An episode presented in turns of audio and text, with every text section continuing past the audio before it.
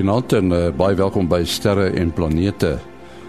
Onthou ons Sterre en Planete boek as jy die boek wil bestel, SMS sterre by 4199. Sterre 4199. Vanaand se deelnemers is natuurlik uh, professor Mati Hofman en Willie Koorts.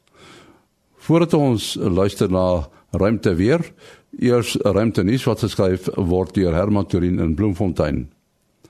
Die futuristiese ruimtenasie van miljoene mense wat in 'n bondel satelliete om die aarde gaan wentel, het sy eerste spoor in die ruimte gelaat toe 'n nanosatelliet gelanseer is. Die argitek van die nuwe nasie as Guardia, Dr. Igor Ashur Bailey, is ook die selfverklaarde eerste leier en behoort dat as Guardia ook 'n lid van die VN sal wees. Hoewel min mense die plan ernstig opneem, het Ashur Bailey reeds heelwat steun en word 'n grondwet opgestel en mense genomineer om in die regering van die ruimtenasie te dien. Die grootste operasionele radioteleskoop ter wêreld, die Arecibo op Puerto Rico se voortbestaan is verseker na die Amerikaanse National Science Foundation onderneem het om die bedryf daarvan nog 5 jaar te finansier. Dit sal wel 'n aansienlik kleiner bedrag as voorheen wees. Arecibo het die afgelope 50 jaar verskeie storms oorleef, waaronder die sikloon Maria wat op 20 September toegeslaan het. Die teleskoop is ook effens beskadig. Tydens die sikloon het 'n aantal personeellede skuilings gaan soek in ondergrondse bunkers onder die teleskoop wat uit die koue oorlog dateer. Tot sover dan ruimtenis wat geskryf is deur Herman Turin in Bloemfontein. En nou Kobus Olkers, Florida, Amerika. Ja, hier sit ons nou weer na nog 'n week uh, met uh, nog 'n interessante sonprentjie voor ons. Dis asof die son nou terwyl hy nou stil raak, is hy besig om vir ons vreeslik baie interessante goeters te wys. Die interessantste ding hierdie week is 'n uh, 'n noordgerigte uh, baie groot noordgerigte area op in die suidelike halfrond van die son. Dis nog glad nie geo-effektief nie. Wat so met 'n halfmaan aan sy bokant om, omring is met suidgerigte magnetiese area en dit gee vir ons 'n vreeslik interessante ding. Dit is 'n ding wat so 'n buster is tussen 'n korona uh, lus net voor 'n mens 'n korona massa uitbarsting kry en 'n filament. As mens hierdie ding nou van die kant af sou kon sien as 'n prominensie sou hy 'n uh, ongelooflike gesig gewees het, maar nou ja, ons moet hom so reg van voor af in die aangesig inkyk. En as ek nou hom moet beskryf dan lyk hy vir my soos 'n uh, dan lyk dit vir my soos 'n uh, een van hierdie groot stadions soos mense daar 'n groenpunt in die Kaap kry wat jy nou van bo af sien. Uh hy lyk in elk geval vir my nie vreeslik uh, onstabiel nie vir 'n filament sou ek sê hy baie onstabiel. Uh maar definitief daar is geen uh geen kanse vir koronamassa uitbarstings in die in die klassieke sin van die woord nie. So ons hou die ouetjie maar dop. Hy kan dalk vir ons uh, interessante goed begin gee hier teen die einde van die week uh, of vroeg volgende week. Verder het ons 'n uh, corona gat van verlede week het nou al afgeroteer van die son af. Hy het sy pret gebring in die week. Uh, ons het nog steeds daar die aktiewe area waarvan ons verlede week gesels het. Uh, hy het nou gekonsolideer al sy noordpole het bymekaar gekom, al sy suidpole het bymekaar gekom en hy is besig om 'n ongelooflike mooi lus te maak. Uh wat mense ook op die ekstra beelde kan sien. In die noordelike halfrond van die son gaan daar nie te veel aan nie. Ehm um, daar is weer 'n groot uitgestrekte magnetiese area wat nou sopas oor die rand van die son gedraai het. Hy maak ook net vir ons baie mooi uh beelde en baie mooi vuurwerke, maar geen geen gevaar sover vir enige uitbarstings wat ons hier op die aarde gaan of in ons uh ons nabye ruimte gaan gaan plan nie. Nou ja, baie sogenaamde baie stil son maar 'n baie interessante een goeienaand almal. Dit was dan Kobus Olkers in Florida, Amerika met 'n ruimte weer. Nou jy weet almal van die eh, die sterre en planete boek wat eh, deesdae beskikbaar is en uh, ons is besig met die ja kom ons sê die lansering van die boek. Ons het so 'n paar dae gelede die boek gelanseer in Pretoria en eerskomende Vrydag aand vind die lansering plaas juis by die Naval Hill Planetarium in Bloemfontein. Uh, Mati, wat beplan julle alles met die lansering daar by die uh, digitale planetarium? Boeke is uh, is altyd 'n besonderse ding en uh, vir diegene wat al by 'n uh, uh, lansering van 'n uh, of 'n bekendstelling van 'n boek betrokke is uh, om die mense te ontmoet wat daarmee aan meegewerk het. In hierdie geval is dit nou 'n hele paar die uitgewer self weet uh, jouself ek gaan daar wees en dan uh, gaan ons wel by wyse van die die elektroniese media met die ander skrywers ook kan kommunikeer en hoor wat hulle te sê het. Die uitgewer gaan so 'n uh, kort boodskapie hê en jy gaan uh, moself 'n uh, bietjie met die besoekers praat en dan beplan ek om 'n uh, film vir die mense te wys, uh, die uh, spesifieke film Dark Matter Mystery wat baie aktueel is in die tyd en ek wil ook bo op die koepel van die planetarium ietsie deel oor die inhoud van die boek, weet net baie kortliks om die mense nuuskierig te maak. Ehm um, die, die planetarium is dan 'n goeie medium om visueel weer te deel wat waaroor die boek gaan. Uh, so dit is in kort wat ons beplan vir die uh, Vrydag 1 Desember. Goed, eh, die Vrydag die 1 Desember, dit is nou binnekort. En miskien is daar mense wat vanaand luister wat uh, graag die geleentheid by wil woon. Uh, moet hulle maar met jou in verbinding tree, Matie? Uh en nee, ja, ons gee aan die einde van die program altyd ons kontakinligting. Uh, hulle kan of vir jou e-pos of vir my 'n SMS stuur. Uh ek gaan sommer nou my selfoonnommer gee, maar dit volg ook aan die einde van uh die program. Uh 083 625 7154 0836257154 en dan sal ons al die nodige inligting met hulle deel in uh hoe hulle hulle bespreking vir die geleentheid kan finaliseer.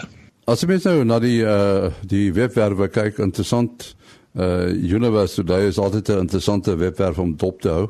En nou dan ook die uh die webwerf van die Jet Propulsion Laboratory. Nou iets wat ek raak gesien het is dat die ouens uh sit en redeneer oor die die strepe op Mars. Die sogenaamde wat hulle gedink het waterstrepe is wat moontlik sandstrepe kan wees. Nou weet ek nie kan sand vloei?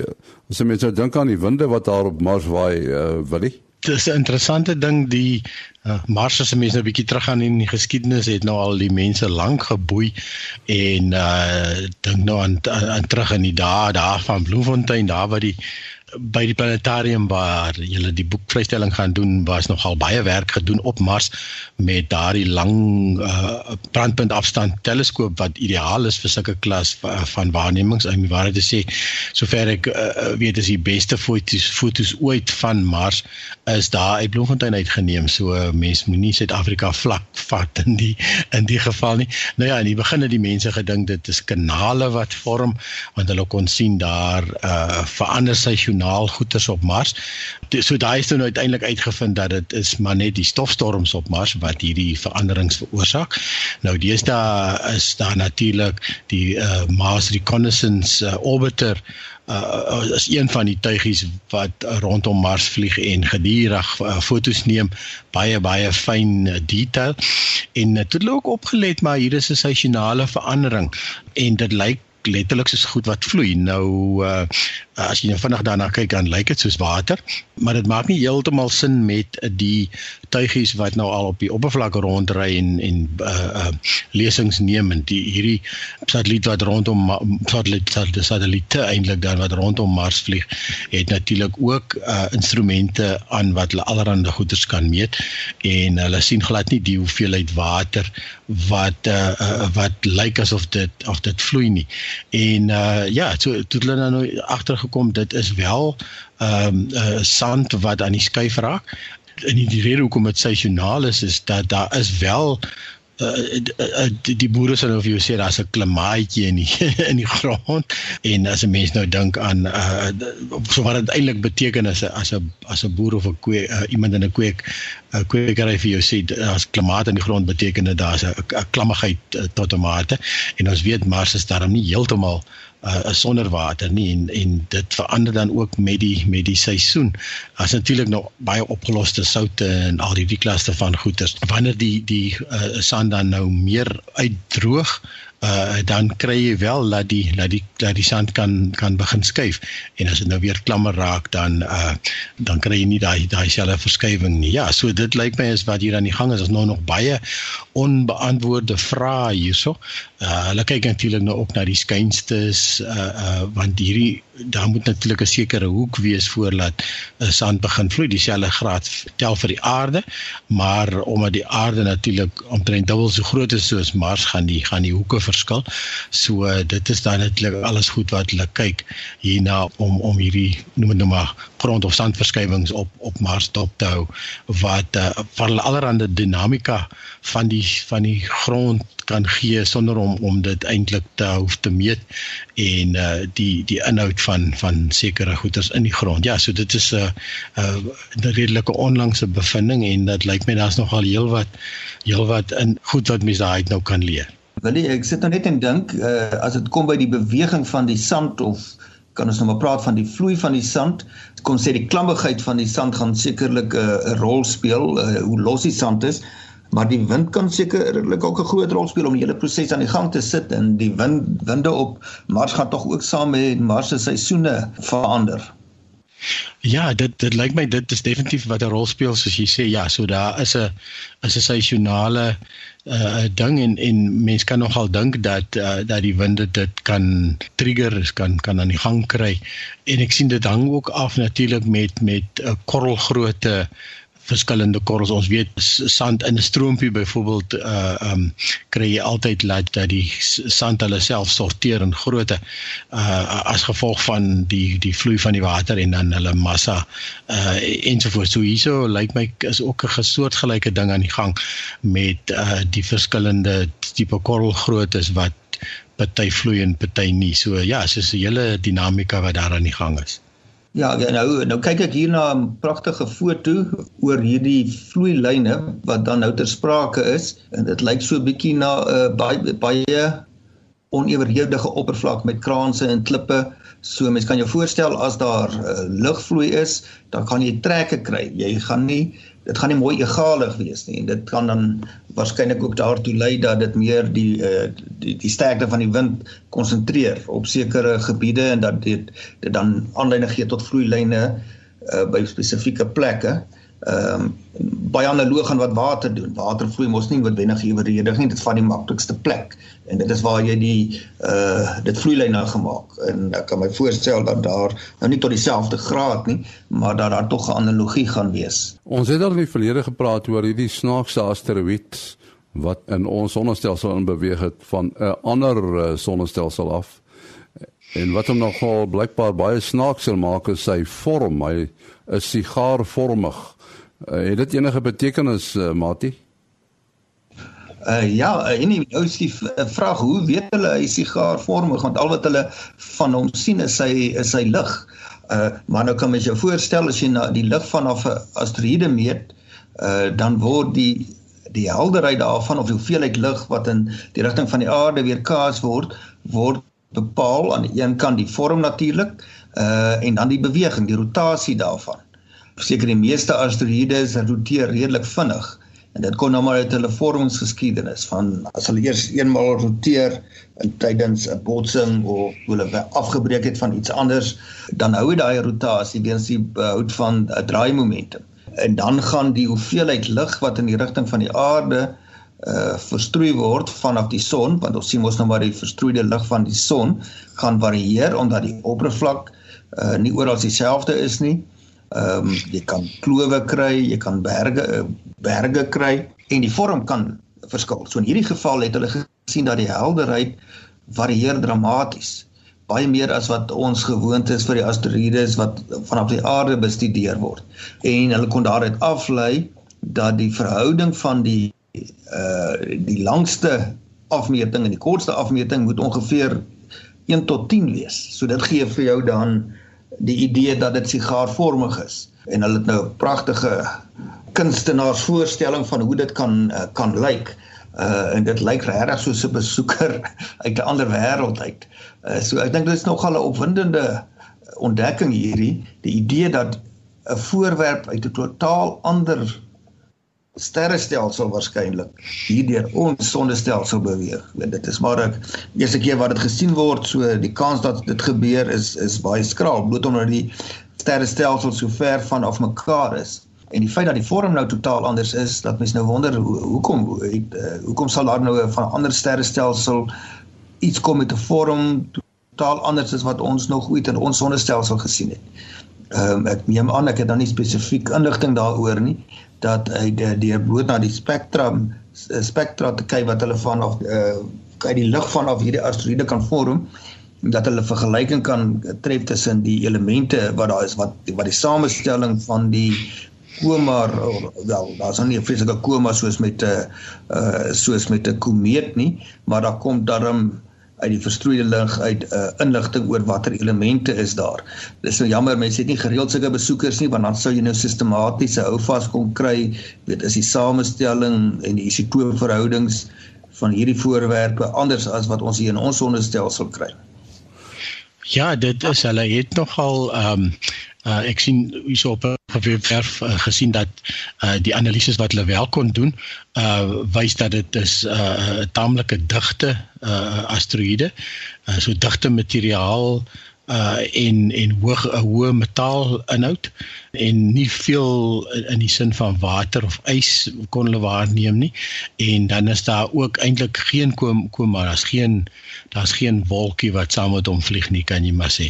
So dit beteken ook natuurlik as jy vergelyk met goed in ons asteroïde gordel uh kan jy dink dat die goedjies bots maar te mekaar en en en uh, dit sal natuurlik nou vir hierdie noem dit maar stof veroorsaak wat dan wat dan saam met hulle saam met hulle uh sal sal beweeg. Ja.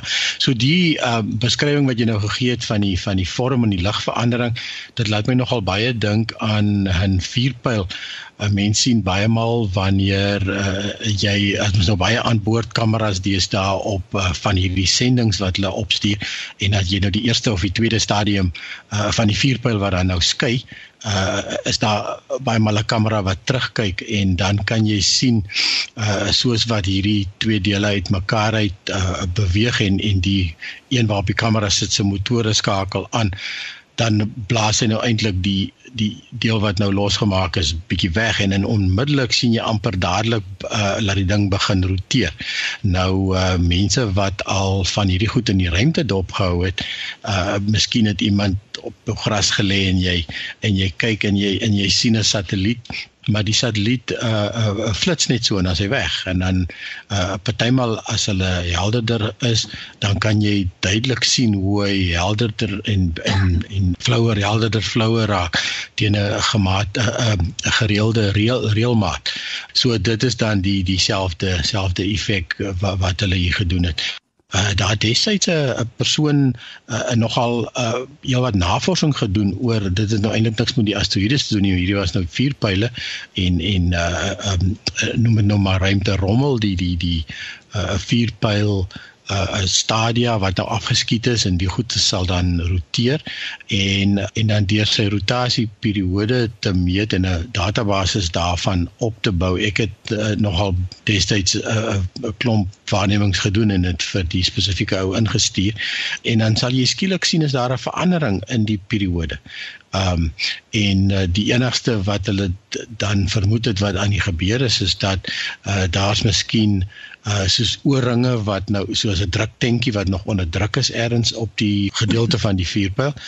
En as die oorring nou begin lek of soos soos wat hy nou verswak in die in die ruimte uh, wat ons hom in Engels genoem het perish uh, uh, uh sal jy op 'n stadium kry dat hy nie meer die druk kan hanteer nie en dan blaas die druktanker uh, end af en dan uh, en dit gaan natuurlik dan die die vuurpyl laat uh, vinniger of stadiger roteer afhangende van of hy nou teen of saam met die sy rotasie uh, afgeblaas het. En dan ruk later dan kry jy dat die ooring verder verswak en en weer weer 'n blaas of twee kan gee. En uh, dit het nogal baie inligting verskaf uh, vir ruimte rommel en en hoe die goeters kan kan nader aan selfs ontplof. En uh, deesdae uh, kan jy uh, is dit half algemene praktyk om as 'n vuurpyl afgevuur is uh, die die motore klaar gebrand uh, dan dan dan is daar stelsels wat die wat die brandstof uitspuit in die ruimte sodat daar nie goed onder druk is wat met tyd kan verander en dan nou hierdie verandering die goeters gee nie. So dit is ja dis is sommer net so terloops Hmm. Uh, wil jy ek, ek wonder nou of 'n uh, mens iets soortgelyks sou kon kry met asteroïde of komeetkerne, uh, nou nie so dramaties en vinnig soos met uh, satelliete of vuurpyle weet in terme van die uh, rotasieperiode wat verander nie, maar as daar dit byvoorbeeld 'n stuk sou sou afbreek uh, of 'n klein botsing of in die geval van komete, hulle maak mos uh spuite wat hulle materiaal na buite toe vrystel, maar dit is teen 'n stadige tempo. Uh, maar kan my voorstel dat gegee genoeg tyd die die rotasie periode van so 'n voorwerp dalk sou kon verander. Ja, definitief. Soos jy sê, dit dit is heel moontlik vir al die spuite. Ehm um, ek het natuurlik 'n bietjie 'n ander balans hier hier natuurlik 'n 'n 'n massa 'n taamlike groot massa hierso met 'n kleiner spuit en soos jy sê dit gaan nou 'n bietjie meer dramaties wees met uh, met met die vierpyl stukke. Ja, iets anders ook wat jy genoem het oor die vorm daar's natuurlik 'n manier in die geval nee nee in die geval met die goed wat so vinnig by die aarde verbykom jy het nie baie observasie tyd nie en en so aan maar ehm um, ek het interessant nou die dag van ehm um, Dr. Manga Kikafoos wat nou mos betrokke was by uh, die uh, projek van die vier ag die sending wat nou by Pluto verbygevlieg het die New Horizons.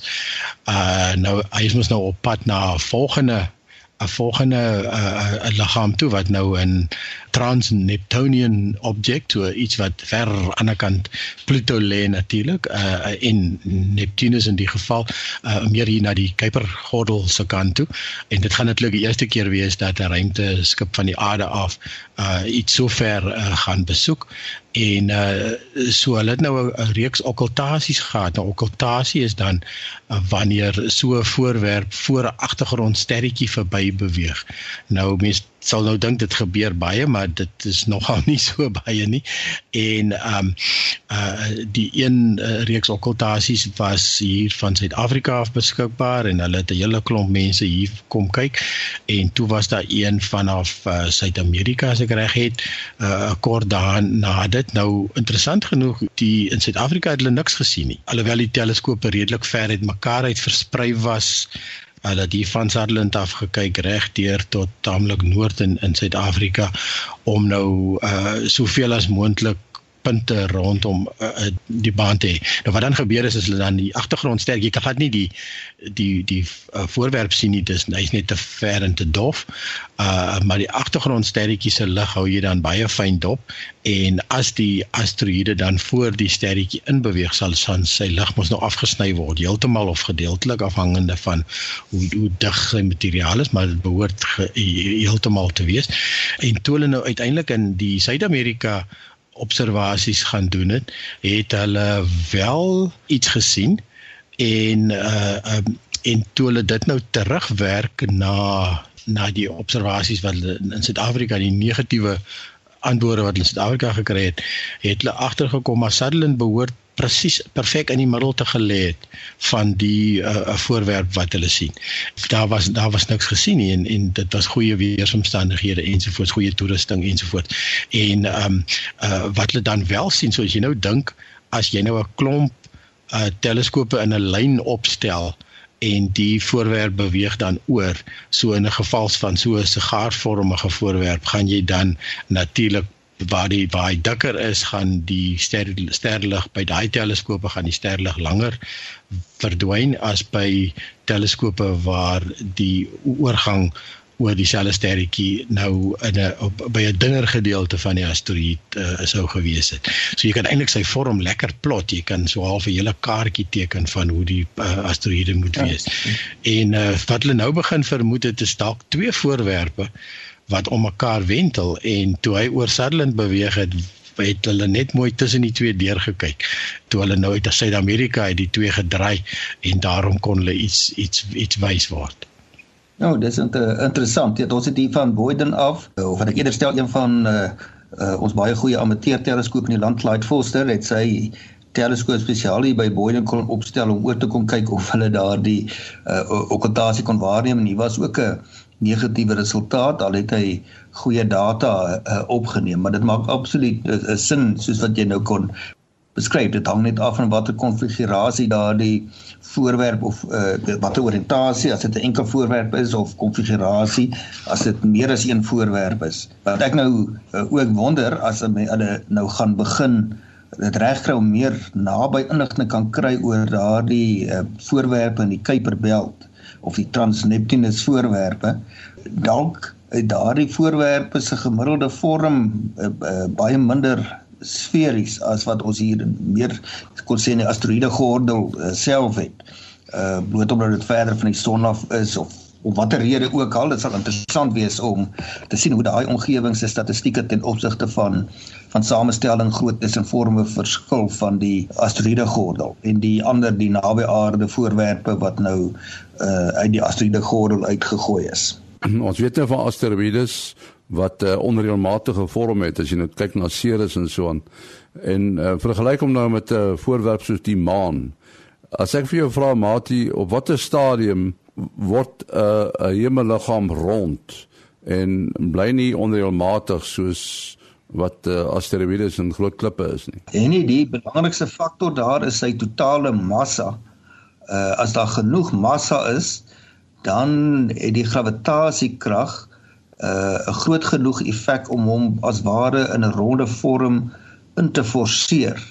Uh nou ons dink normaalweg aan rotse, klippe en grond as moeilik vervormbaar, maar mens moet in gedagte hou as jy nou uh, diep genoeg in die aarde ingaan, dan is die die kragte, die druk is enorm. Ehm um, so dit raak vloeibaar. Weet ons dit is nie maar net absoluut onvervormbaar nie. Uh om die waarheid te sê as jy by daardie punt kom dat daar genoeg massa is, ehm uh, dat die voorwerp rond word, dit is wanneer ons van die voorwerpe begin praat as dwergplanete en dan naby omgewing van die sonnestelsel is die die eerste dwergplaneet wat ons kry is dan Ceres wat in die asteroïde gordel is maar hy is groot genoeg, hy het genoeg massa dat hy rond is en dan 'n volgende dwergplaneet is Pluto. Ehm um, hy het ook genoeg massa om rond te wees. Nou daai twee voorwerpe het dit nie gemaak volgens die die nuwe definisies wat die uh, International Astronomical Union in 2005 of was dit 2006 uh, geformuleer het oor uh, watter eienskappe 'n voorwerp moet hê om 'n planeet te wees nie. Nou in geval van ons sonnestelsel, uh, moet die voorwerp ook nog genoeg massa hê om sy baan te domineer wat dan nou nie klaarblyklik die geval is vir uh vir Ceres nie. Daar's miljoene ander asteroïdes daar en hulle volg nie Ceres se beweging op een of ander reëlmatige manier soos die uh Trojaanse asteroïdes wat in Jupiter se baan byvoorbeeld 'n uh, voorbeeld is nie. En soortgelyk in Pluto se geval, uh Pluto en Neptunus deel dieselfde omgewing. Ehm um, en Neptunus is die dominerende voorwerp daarso. Maar daar's steeds mense wat redeneer daai definisies is nie bo kritiek verhewe nie. Ons moet afsluit. Uh Mati, wat is jou besonderhede net as mense ook wil uh die geleentheid bywoon uh, Vrydag aand? Uh ja, dan kom hulle sommer by die planetarium as hulle nog nie daarso was nie. uh, Selfoonnommer 083 625 7154 083 625 7154 Uh as jy 'n SMS stuur, stuur sommer ook 'n e-posadres, dan is dit maklik om vir julle die volledige inligting en uitnodiging vir die bekendstelling van die sterre en planete boek uh eerskomende Vrydag aand by die Nebula Planetarium. En wil jy besonderhede? Ja, selfoon 072 4579208. 072 4579208 en dan my e-posadres maas.denny@gmail.com maas.denny@gmail.com Ons is volgende week terug. Alles van die beste.